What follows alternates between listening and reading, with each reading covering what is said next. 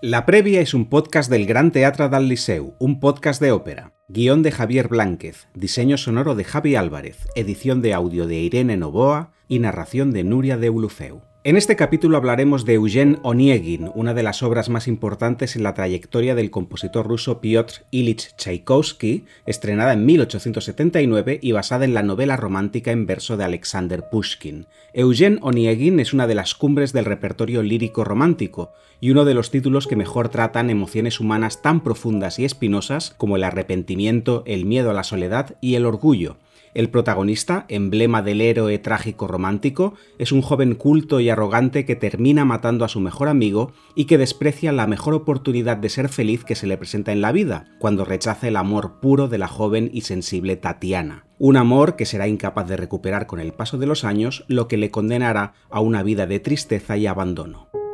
Eugen Oniegin regresa al escenario del Gran Teatre del Liceu 25 años después de su última representación para inaugurar la temporada 2023-2024, en ocho funciones que se celebrarán entre el 27 de septiembre y el 8 de octubre, y que serán nueve si contamos también la cita Liceu Under 35 del 9 de octubre. La nueva producción que subirá al escenario es la propuesta del prestigioso director de escena Christoph Loy, estrenada originalmente en 2020 en la The Norske Ópera de Oslo.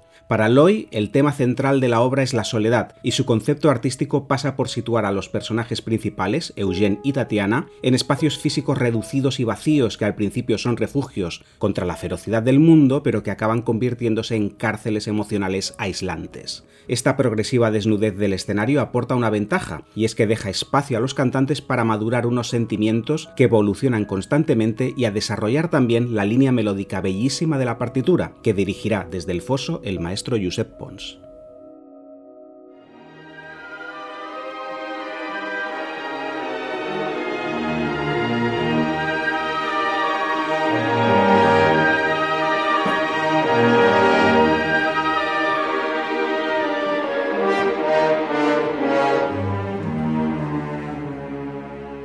Los personajes de Eugen Oñeguen, y en particular el protagonista, son figuras que van más allá del arquetipo hasta el punto de que se nos representan como seres de carne y hueso. Así ha sido desde mediados del siglo XIX, cuando apareció la novela en verso de Alexander Pushkin, con la que comenzó la literatura romántica rusa, y que Tchaikovsky adaptó en su ópera inmortal de 1879. Alexander Pushkin habla de cuestiones humanas profundas y universales. Por ejemplo, ¿quién no se ha sentido culpable alguna vez por haber ofendido a un amigo y después perderlo? ¿Cuántas veces nos hemos arrepentido de una decisión crucial que hemos tomado en la vida y que ya no tiene vuelta atrás? Y por otra parte, ¿con qué frecuencia nos alegramos de haber elegido el camino correcto? Estos son varios de los temas centrales de esta historia. El remordimiento, la sensación de vacío al ver cómo se cierra una puerta que ya no se abrirá más, la ilusión por el primer amor, la angustia que se deriva del paso del tiempo, ese tiempo que ya no regresa y que se lleva por delante la juventud y la ilusión. De entre todos los temas de la historia, sin embargo, el que más le interesa al director de escena Christoph Loy es el de la soledad.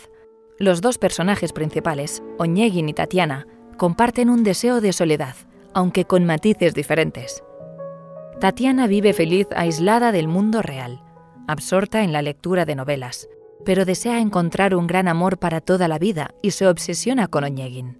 Oñegin, en cambio, Quiere ser un espíritu libre y desprecia los afectos que podrían encadenarle a una aburrida vida de matrimonio. Pero al final, los dos llegan a puntos muy distintos.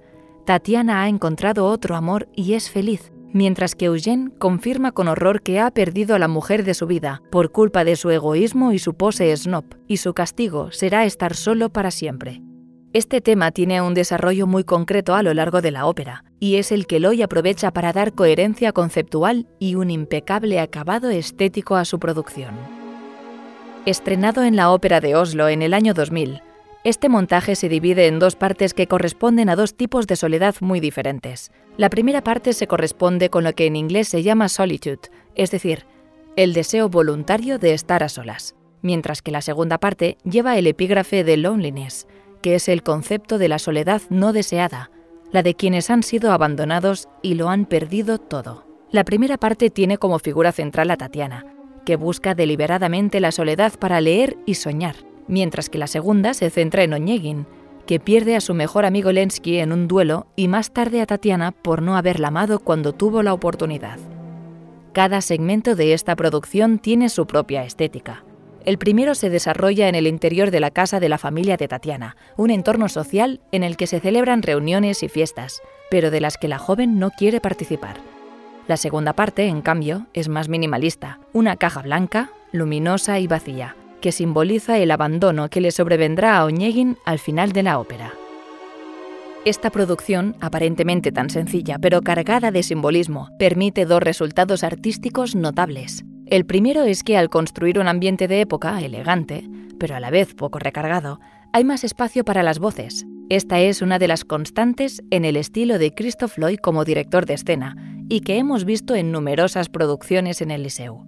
Estas funciones tienen un elenco vocal de primer nivel. Eugene Onegin es una de las grandes óperas del repertorio que tiene papeles principales para cinco tesituras vocales distintas soprano, mezzo, tenor, barítono y bajo, y habrá cantantes de altura para cada personaje. El rol principal de Onegin, por ejemplo, lo cantarán los barítonos Odd Iversen, que ya participó en la premier de Oslo, y Yuri Samoilov. El papel de Tatiana, escrito para soprano, lo cantarán Svetlana Xenova y Cristina Mikitarian, mientras que su hermana Olga, mezzo-soprano, la interpretarán Victoria Karkacheva y Cristina Faust. Lensky, el amigo de Onegin, lo cantarán los tenores Alexei Nekliudov y Josep Bros, y del príncipe Gremin se encargarán los bajos Sam Kal y Adam Palka. Como en cada estreno de temporada del Liceu, será el director musical titular, Josep Pons, quien dirija la orquesta para obtener el color resplandeciente y el lirismo que pide la partitura. El otro aspecto destacado que permite esta producción de Christoph Loy es que se acerca íntimamente al espíritu que Tchaikovsky quiso insuflarle a su ópera. Eugen Onegin se concibió originalmente como una pieza de cámara, lírica y recogida, y su estreno no fue en un gran teatro, sino en una función a cargo de alumnos del Conservatorio de Moscú. Sobre la historia de este estreno, Javier nos aporta ahora más información. La coloratura. La coloratura. Tchaikovsky comenzó los trabajos de escritura y composición de Eugen Onegin en 1877 y por aquel entonces ya estaba firmemente instalado en un lugar importante en la escena musical rusa. Por ejemplo, había completado sus tres primeras sinfonías, había escrito el famoso primer concierto para piano y orquesta y también había estrenado con gran éxito el primero de sus tres ballets, El lago de los cisnes, y todo ello sin haber cumplido aún los 40 años. La ópera tampoco era un lenguaje desconocido para él. A lo largo de su vida, Tchaikovsky llegó a trabajar en 11 óperas, aunque en realidad la lista debe reducirse a 10, pues la segunda, La Ondina, la dejó sin terminar. No era un lenguaje con el que se sintiera especialmente satisfecho. Su primera incursión, el Voivoda, la destruyó poco tiempo después del estreno, y no fue hasta el siglo XX cuando se pudo reconstruir en gran medida a partir de restos de los manuscritos y de copias impresas. Por su parte, la tercera ópera, Bakula el Herrero, la reescribió por completo años más tarde para transformarla en Cherevitsky. Tchaikovsky se veía a sí mismo más un compositor para el ballet o para la gran orquesta, y creía estar limitado en el arte lírico. Sin embargo, son dos títulos suyos, La Dama de Picas y Eugen Onegin, los que figuran en lo más alto de la historia de la ópera rusa.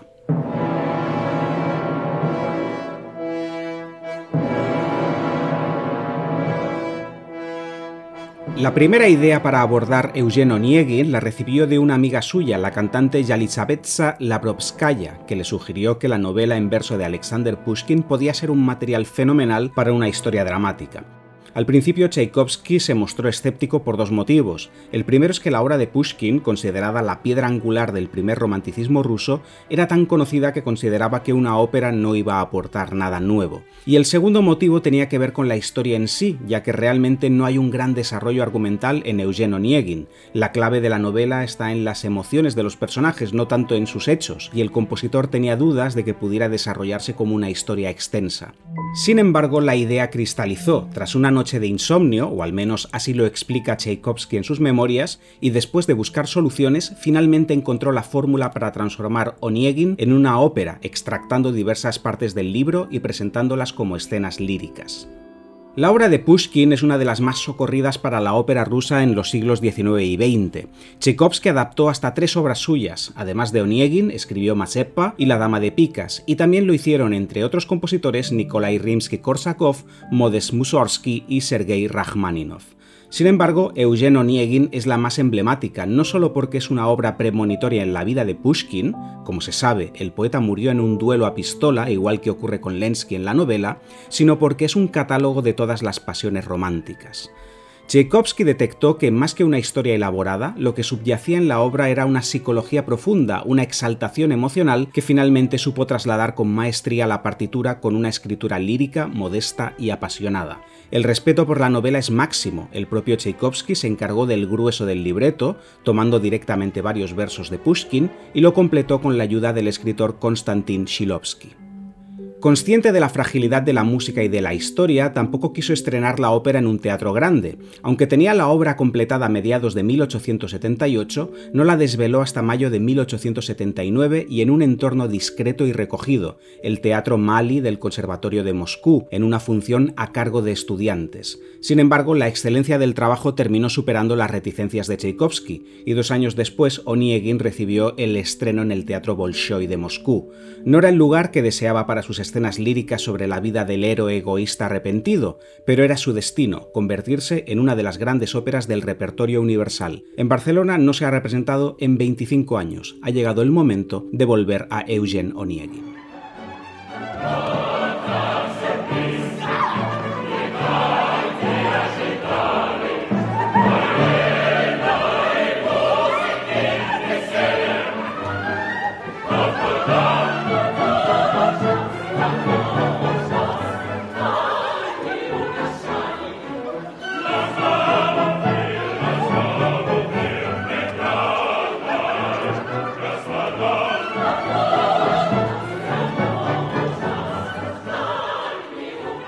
La historia comienza en la casa de campo de la señora Larina, una viuda terrateniente que vive con sus dos hijas, Tatiana y Olga. Las dos hermanas tienen un carácter muy diferente. Olga es jovial, mientras que Tatiana es introspectiva. Está fascinada por la lectura y sueña con vivir algún día las aventuras de las heroínas de ficción de sus novelas favoritas. Un tema recurrente en la casa es el amor. La señora Larina explica a sus hijas que de joven se enamoró de un hombre, pero que finalmente aceptó casarse con el que sería su padre, un hombre que le prometió una vida segura. Pero las dos jóvenes suspiran por un amor más apasionado. Olga, de hecho, tiene un romance con Lensky, un joven caballero aficionado a la poesía que vive en una casa vecina. Una noche, Lensky llega sin previo aviso a la casa de la familia Larin, acompañado de un amigo de San Petersburgo. Se trata de Eugen Onyegin, un joven dandy elegante, urbanita y orgulloso. Al verlo, Tatiana se queda completamente fascinada, hasta el punto de que esa misma noche le escribe una carta en la que confiesa su enamoramiento repentino. En este momento, Tatiana canta su aria principal, una de las más bellas y conocidas de la ópera.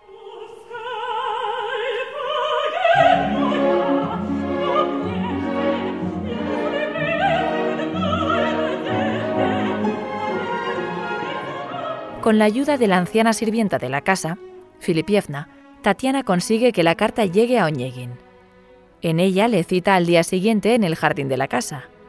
Oñegin acude al encuentro de Tatiana y le confiesa haberse emocionado con su carta, pero a la vez lamenta tener que rechazar su amor.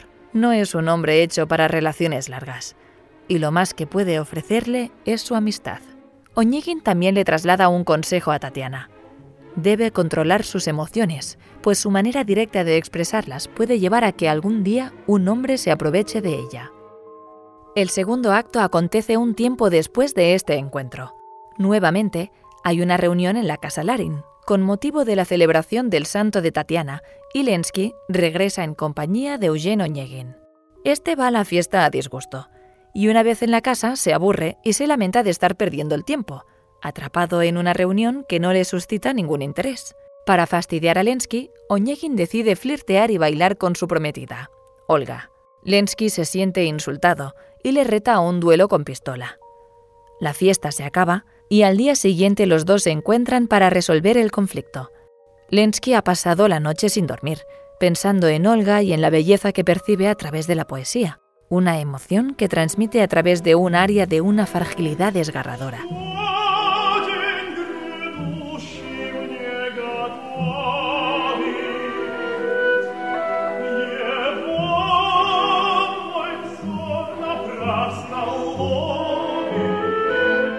El joven siente remordimientos por haber desafiado a su mejor amigo, pero finalmente el duelo se celebra con un resultado trágico. Oñegin mata a Lensky de un disparo. El tercer acto se sitúa más de 10 años después de estos sucesos. Oñegin tuvo que huir de San Petersburgo y ha viajado. Se ha convertido en un hombre más amargo y solitario. Tras regresar a su ciudad, acude a una fiesta y conoce al príncipe Gremin, un hombre rico y culto que le explica mediante un área de gran potencia que cuando uno menos lo espera, el amor llega.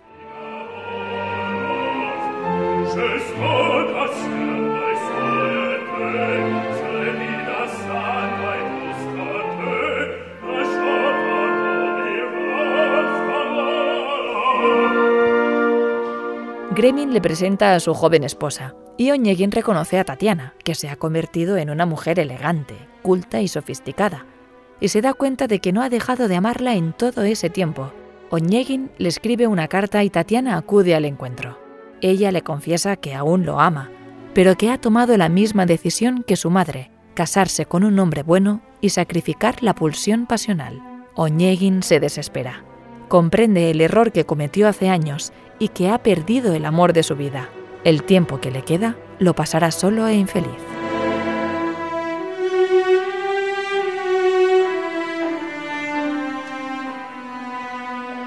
Al final de la obra, el retrato emocional de Oñegin queda perfectamente completado. Hemos asistido a todas las fases de evolución de un carácter orgulloso e individualista que recibe un duro castigo, el de la soledad sin remedio. Tatiana, a su vez, tendrá por delante una vida feliz tras haber sacrificado sus sueños de juventud. Suele decirse que si no hubiera sido por la fama inmensa de la novela de Pushkin, Tchaikovsky hubiera preferido que su ópera se titulara Tatiana Larina en vez de Eugen Onegin, ya que realmente el personaje más importante, en esta selección de escenas parcial, es la joven soñadora que encuentra la manera de socializar y conectar con los demás. Onegin se nos representa continuamente como alguien antipático, pendenciero, ególatra. Y si nos fijamos bien, Tchaikovsky escribió un aria maravillosa para todos los personajes buenos, mientras que no hay un momento individual destacado para Oñekin, que debe brillar en los momentos sociales, los duetos y las piezas de conjunto. Pero más allá de las afinidades y simpatías que pudieran sentir el compositor con los personajes, o las que podamos sentir el público, una de las virtudes de esta ópera es su perfecto equilibrio, que se va mostrando más claro a medida que se profundiza en su música y su tratamiento lírico. Cada personaje cierra su ciclo vital con una coherencia absoluta. La música de cada uno permite entrar en su alma, en sus frustraciones y en sus anhelos, y como decíamos al principio, termina materializándolos en seres de carne y hueso, que no solo encarnan virtudes y defectos del ser humano, sino que se convierten en modelos casi reales de conducta. A Tatiana y Oñegin ya no los vemos como emblemas lejanos, sino como personas cercanas con las que poder dialogar, a las que querríamos aconsejar para que no cometan los errores fatales que en ciertos momentos de sus vidas les llevan a la infelicidad. La producción de Cristo Loy consigue penetrar sutilmente en esa psicología tan rica de la obra, dejando que la música delicada y el canto emocionante puedan brillar sin obstáculos unas funciones que os invitamos a ver en el Liceu y también, ¿por qué no?, en la platea digital de Liceu Plus Live, que retransmitirá en streaming la última función para sus abonados el último día de representación, el 8 de octubre. Os esperamos.